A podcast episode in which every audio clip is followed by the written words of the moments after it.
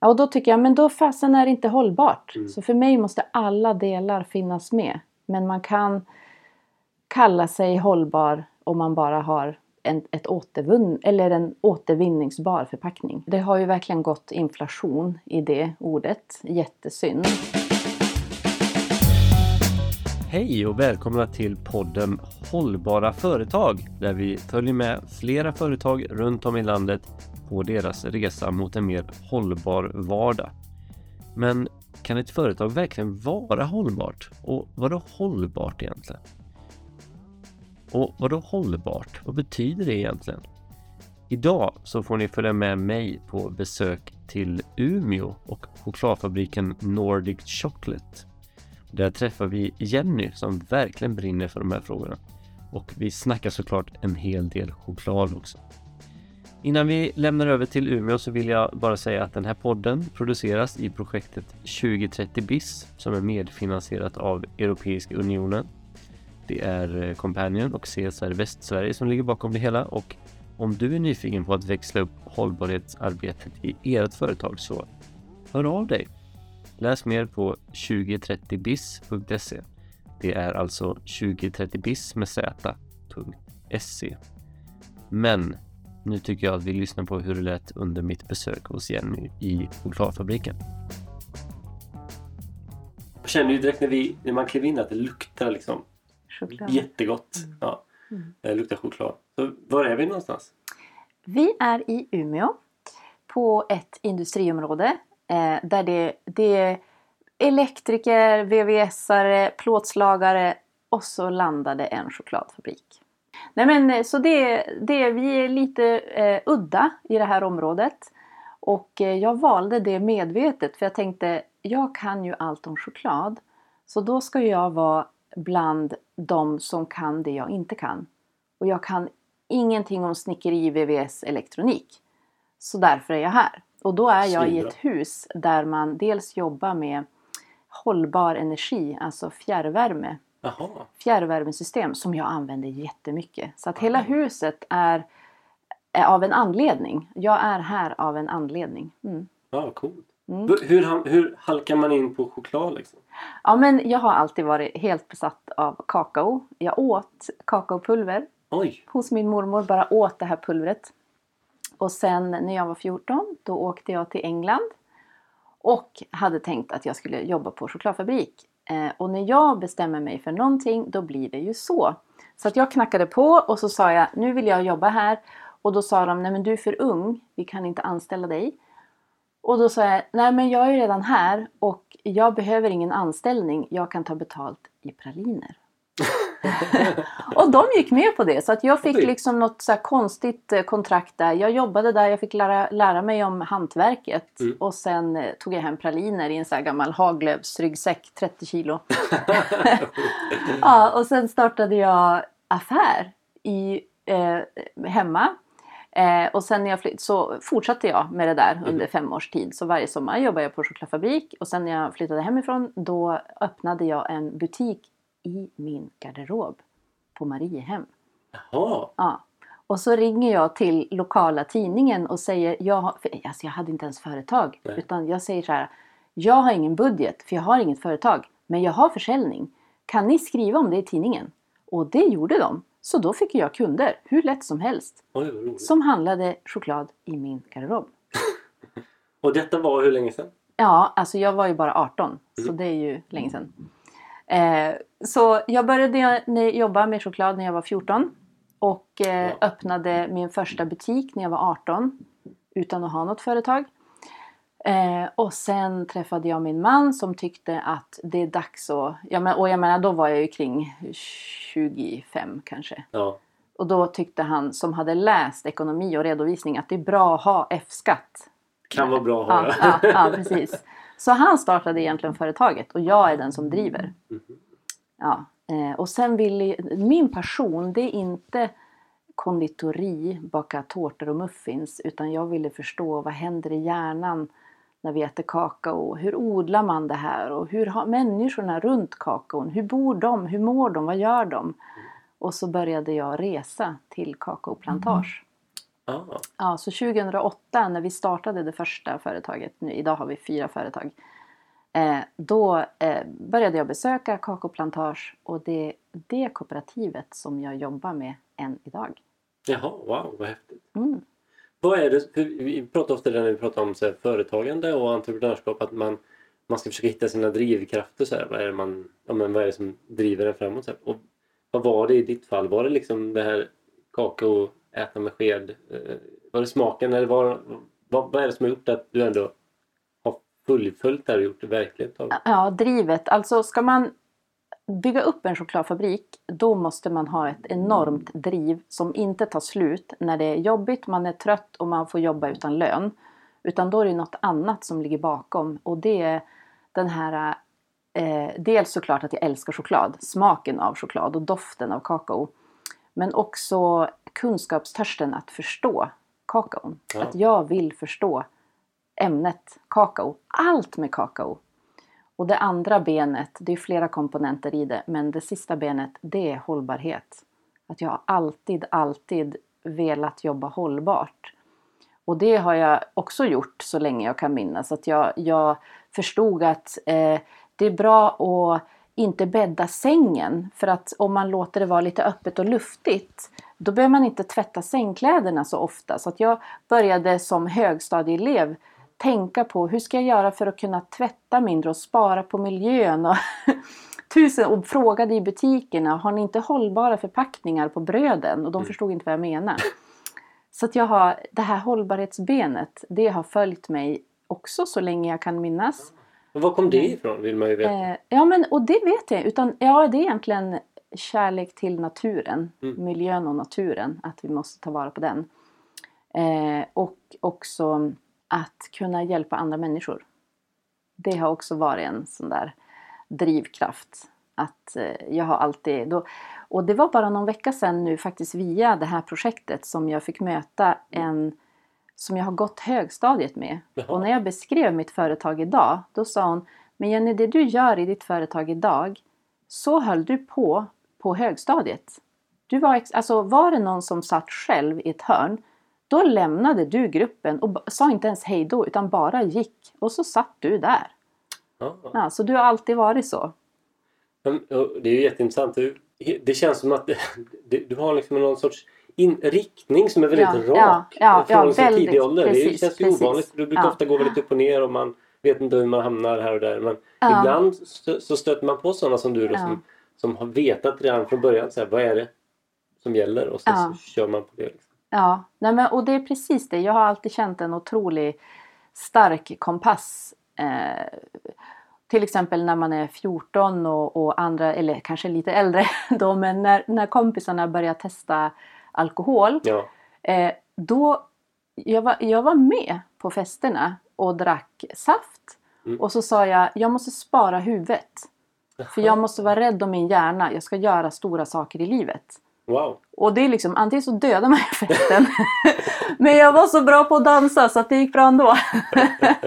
Men så jag har alltid vetat det där att jag, jag vill uträtta stora saker. Och då måste jag vara rädd om mig själv. För det är det. Ska man eh, ta hand om jorden och andra människor så måste man också kunna ta hand om sig själv. Absolut. Det här begreppet hållbarhet, det slänger man så ofta med sig du, eh, i alla sammanhang. Liksom. Vad, vad skulle du säga, hur, hur definierar man det? Eller vad är hållbarhet för dig och för chokladfabriken? Ja, eh, det, är ju, det har ju verkligen gått inflation i det ordet. Jättesynd. Så, men för mig är det faktiskt att jobba cirkulärt och att inte slussa in mer, att jag tar ansvar för att inte slussa in mer produkter i systemet utan den här, det här kretsloppet som finns, det ska jag ta del av och sen fortsätta slussa. Mm.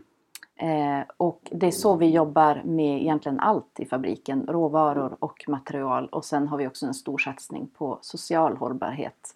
Så för mig så kan man heller inte vara riktigt hållbar om man väljer en förpackning som är återvinningsbar, säger man. Det är Mm. inte återvunnet papper utan förpackningen är återvinningsbar. Sen är det punkt.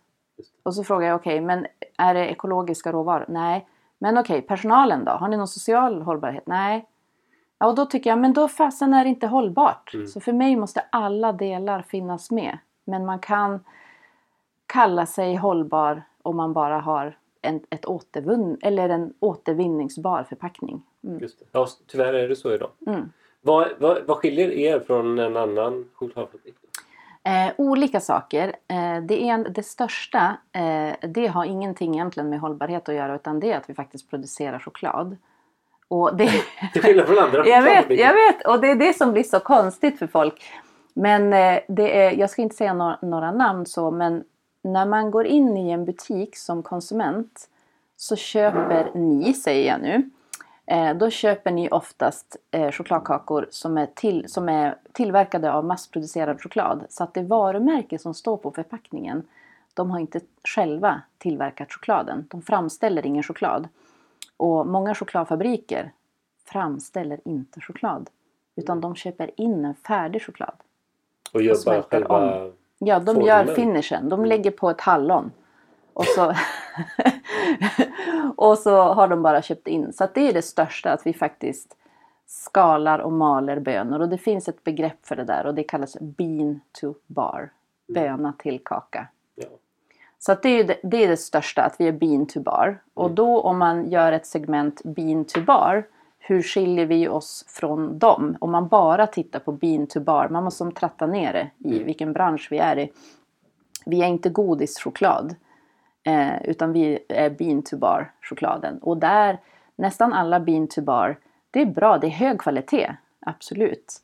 Eh, men alla jobbar inte med hållbarhet all, nästan alla använder ordet hållbarhet. Och det är därför det blir så himla svårt för oss då som är ganska extrema och har varit det innan företaget fanns. Men hur ska vi kunna förklara det och visa det grafiskt? Och det är därför jag är med i projektet. Hur viktigt är det i liksom dagens företagsklimat, affärsvärlden, liksom, när det gäller ja, vad, vad tycker konsumenterna, hur ser marknaden ut? Hur viktigt är det att ha någon typ av hållbarhetsprofil eller håll, hållbarhetsarbete? Mm. Om man lyssnar på experter och trendspanare då säger de att eh, företag som inte jobbar med hållbarhet kommer att dö ut. Det är A och O att jobba hållbart. Sen när man ser på verkligheten så tycker inte jag att det stämmer. Eh, jag jobbar med hållbarhet för att jag kan inte göra någonting annat. Jag skulle inte driva det här om hållbarhetsbegreppet och hållbarhetsdrivet inte var med.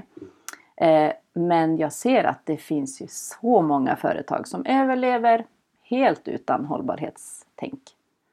Jag, jag, men jag, jag tänker att de som kanske går till er då, Mm. de kanske gör det för att de har en viss önskan om att det ska vara hållbart. Ja, ja. Det, även om det inte är någonting som, som eh, hela marknaden efterfrågar så finns det en, en målgrupp för det. Tänker jag. Precis, som är nischad. Vi är ju en nischprodukt.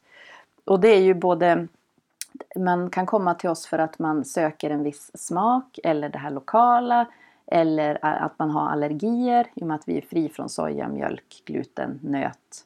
Och där är ju en otrolig nisch.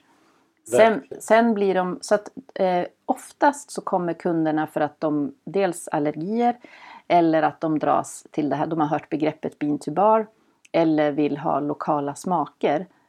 Sen får de som en extra USP den här hållbarhetsdelen och då blir de väldigt trogna kunder. Men det, jag har inte märkt att de dras till oss först på grund av hållbarheten.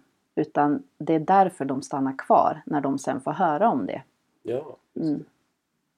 Vad, vad kan du berätta om, om eh, ni som arbetar här? För ni är flera stycken. Jajamän. Och liksom, vad, vad, vad har ni för drivkrafter? Vad brinner ni för? Har alla liksom samma... Delar ni liksom alla den här visionen? Eh, när folk kommer hit så har, är de, eh, vissa är medvetna, andra, andra är inte alls det. Utan jag tvingar helt enkelt folk att jobba hållbart. Och jag tvingar på dem en himla massa kunskap. och att vara med i diskussioner och sånt som de eh, inte alls har reflekterat över. Mm. Eh, och det tycker jag är, en, det är ju den största förändringen eh, än de som redan har det med sig. Då tänker jag så här, yes, nu har jag slussat in en person till i den här hållbarhets... Och så får jag höra någonting som de har gjort hemma då. som går i den andan och de påverkar sin familj och så börjar de prata i sina kretsar och sådär. Eh, så det är häftigt. Just det. Och vad, nej, du nämnde det här med social hållbarhet och Mm. eh, hur man har det på arbetsplatsen. Och, och Precis. så. vad, vad, precis. vad, hur jobbar ni med det? Ja, och varför jag nämner det, det är därför att jag tycker det är så alltså det är otrolig hyckleri i företag som kallar sig hållbara och, sen, och då pratar de bara om sin produkt. Och sen när jag tittar på företaget då kan det vara skräplöner och det finns inget hållbarhetstänk alls, alltså social hållbarhet. Eh, när jag startade fabriken då, eh, då visste jag att jag vill bygga upp en arbetsplats som är en plattform för de som har, är absolut längst från arbetsmarknaden. Och alltså de som har svårast att få jobb. Och det är ju en fin tanke. Men det gör också att jag måste få med mig butiker på det här. För det kan ju hända att jag har ingen personal. Så jag har inga produkter. Och då blir det tomt i butikshyllan. Och det är inte säkert att de ställer upp på det. För de måste ju ha saker att sälja. Och då tar de in någon annan och så byter de ut mig. Ja, så det, det här att det låter fint, det är också ett pris på det och ett jobb man måste göra för att det ska fungera. Men Umeå har varit otroliga på att backa upp det där att när jag inte har produkter, ja men vi ställer dit någon annan pryl och så får du komma tillbaka när du har grejer när, och när du har personal och sådär. Ja, fint. Ja, så att det är ju ett teamwork med väldigt många parter för att få det att fungera. Just det. Så, att, eh, så alla som jag har anställt det är personer som har varit arbetslösa länge. Eh, De har först varit på arbetsträning och kanske bara kan jobba några timmar och sen kan de öka. Och det är personer som också kan ha varit ganska trasiga när de kommer hit. Och sen så känner de så här, nej men vet du, jag ska bli ingenjör.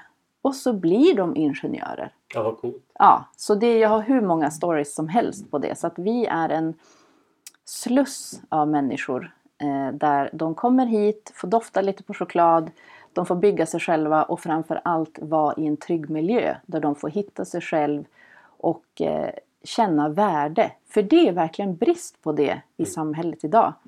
Alltså känslan av värde. Det måste alla arbetsplatser bli mycket bättre på och eh, förmedla. Ja. Eh, ja. Det är det som är häftigt med de här sociala företagen och de som jobbar med, med just ja, men arbetsintegrerat och jobbar med människor som står långt ifrån arbetsmarknaden. De här resorna som Mm. man kan se. Mm. Man, Mm. man har någon som, som kanske... I Göteborg har vi må, många exempel eh, på företag som jobbat med till exempel människor från kriminalvården Mm, och sådär. mm, som har mm. kanske kommit ut fängelset och haft en Precis. väldigt problematisk och svår bakgrund. Och, så. Och sen ett antal år senare så är de, liksom, då är de VD Ja, exakt. för ett företag med 100 anställda. Exakt. Bara att man kan göra den resan. Och Ja. Jag tror mycket ligger i det här som du säger att man måste känna att det finns värde, att man har Ja. ett värde. Att. Det, det. Och att man, man har, det är två saker som behövs för människor och det är, jag har ju knäckt den koden såklart. Nej, verkligen inte. Men känna Nu ska vi få värde. höra allihopa. Ja, precis. Nej, men att känna värde och eh, ha en uppgift. Att vara med i ett sammanhang. Det, det, det är verkligen en superkombo. Meningsfullhet. Ja, precis. Att vara en del av ett sammanhang där man bidrar, får känna att man bidrar. Det är någonting i vårt DNA som jag tror ja, säger oss att vi behöver bidra på något sätt. Må, vi mår bra när vi är med och bidrar i ett samhälle. Och då är det inte så lätt att skapa att, ja, men man ska också hitta den arenan och hitta sin plats. Och det är inte alltid lätt förstås. Nej, precis. Och vi är ju fem anställda här nu med fem verkligen solskenshistorier. Vad kul. Ja. Häftigt. Ja. Vad, ehm, när det gäller just håll, hållbarhetsarbetet. Vad är den största utmaning som ni ser just nu? Du var inne på lite det här med att förmedla kanske Mm. också. Men är det det som är, som är ditt nuläge?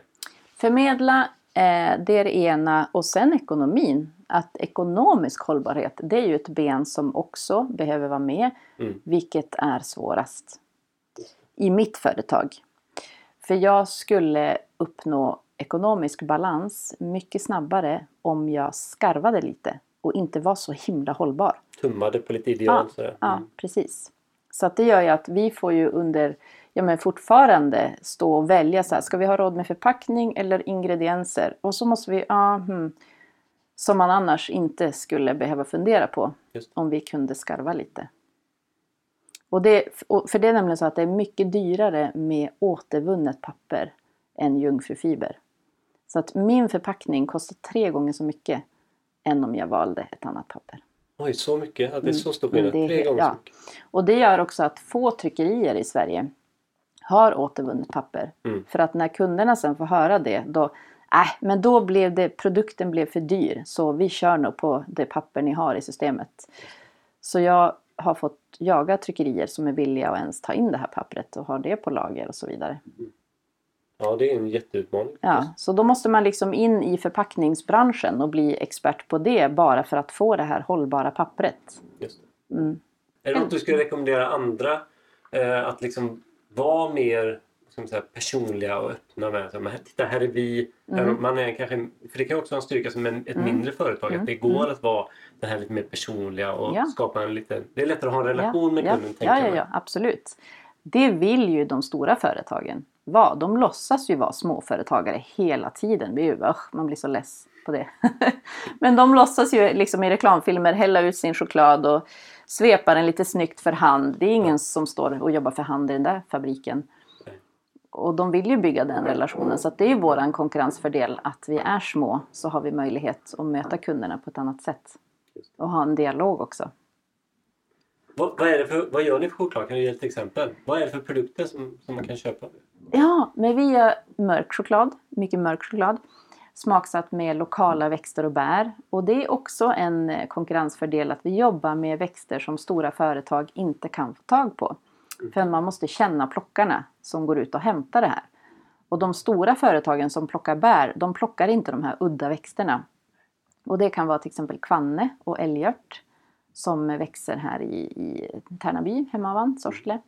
Vet jag inte ens vad det är. Nej, jag vet, jag vet. Och det är det som är, det är en konkurrensfördel men det är också en utmaning att då vet ju inte kunden vad det är för någonting. Det, det gör att de ofta plockar upp kakan i handen och då har man kommit ett långt steg när man ser att de tar i produkten men sen väljer de saltlakrits.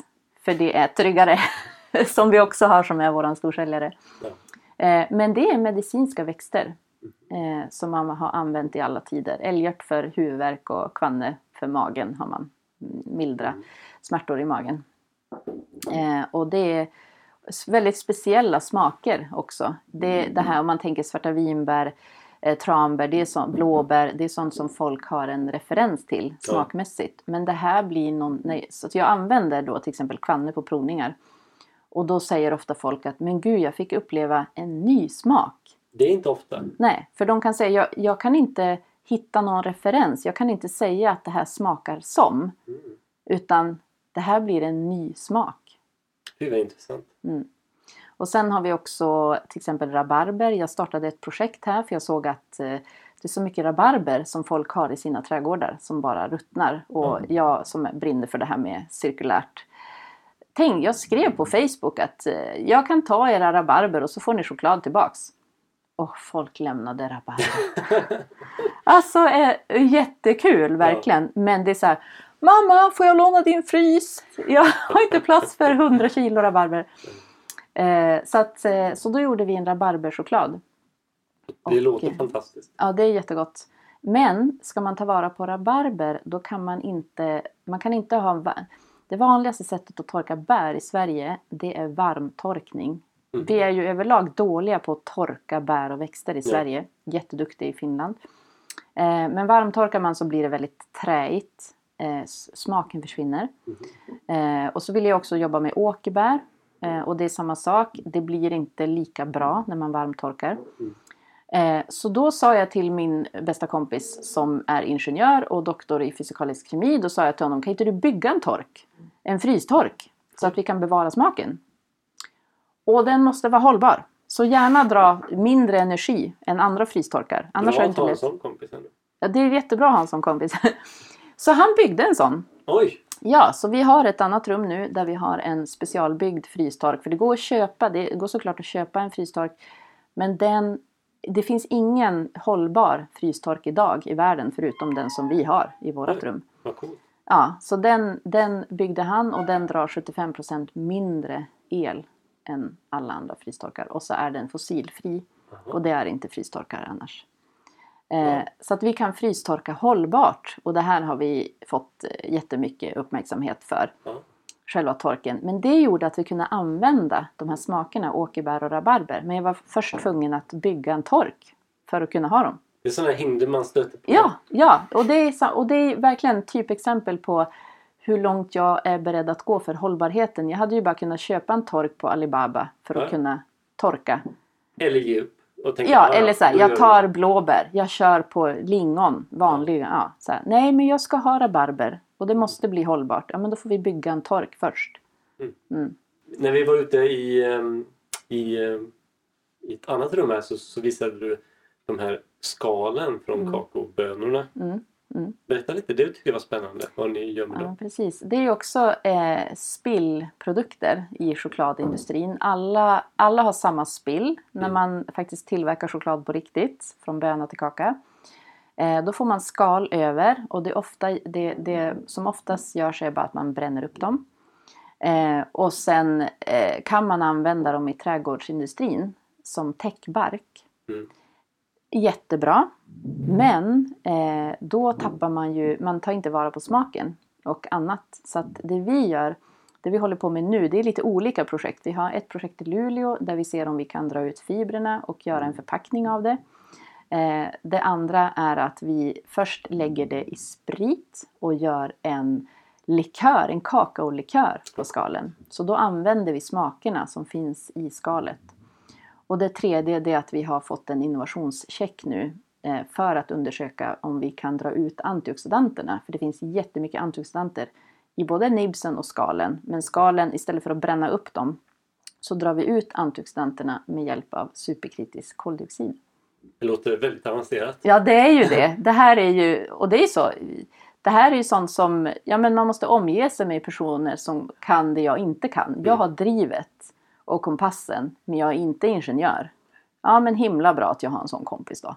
Ja, det är ju svinbra. Ja. Så jag menar, Ja. även om man inte... Och det, det, pratar vi ofta om när vi möter folk som, som har idéer och vill liksom göra saker. Att, att eh, det är alltid bra att se sig omkring och se vad finns det för andra Mm. människor som, Mm. har, som kan liksom komplettera Mm. med sånt som man inte själv kanske... Man kan ju, upp, man kan ju omöjligen kunna allting själv. Precis, precis. Nej, och det, det var jag nog ganska tidig med att eh, bli duktig på att nätverka och samverka. Och jag har alltid känt att jag vill umgås med de som är mycket smartare och kan helt andra saker. För då kommer man längre. Och Mm. man ska inte vara rädd att fråga om hjälp. Nej, nej verkligen inte. Har du något tips till någon annan som driver företag eller som är liksom i startgroparna sådär, som, som tänker att men hållbarhet är viktigt. Vad är det viktigaste att tänka på när man vill liksom driva företag på ett hållbart sätt? Cirkulärt. Alltid. Alltså allt de stoppar in i sitt företag, varenda produkt, varenda, ja men också tjänster, det de ska lägga pengen på, kan det bli cirkulärt? Eller köper de någonting, dels att jobba fossilfritt eh, och sen ta ansvar för det jag slussar in i företaget. Vart hamnar det sen i den här cirkeln? Att ta ansvar att det kan åka med i kretsloppet.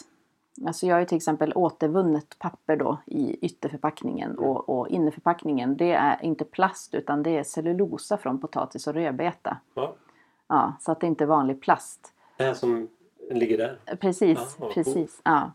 Och det är ju sånt som det måste ju jag ta ansvar för om jag ska driva det här företaget hållbart. Att inte bara skarva på det, äh, det är inte så noga.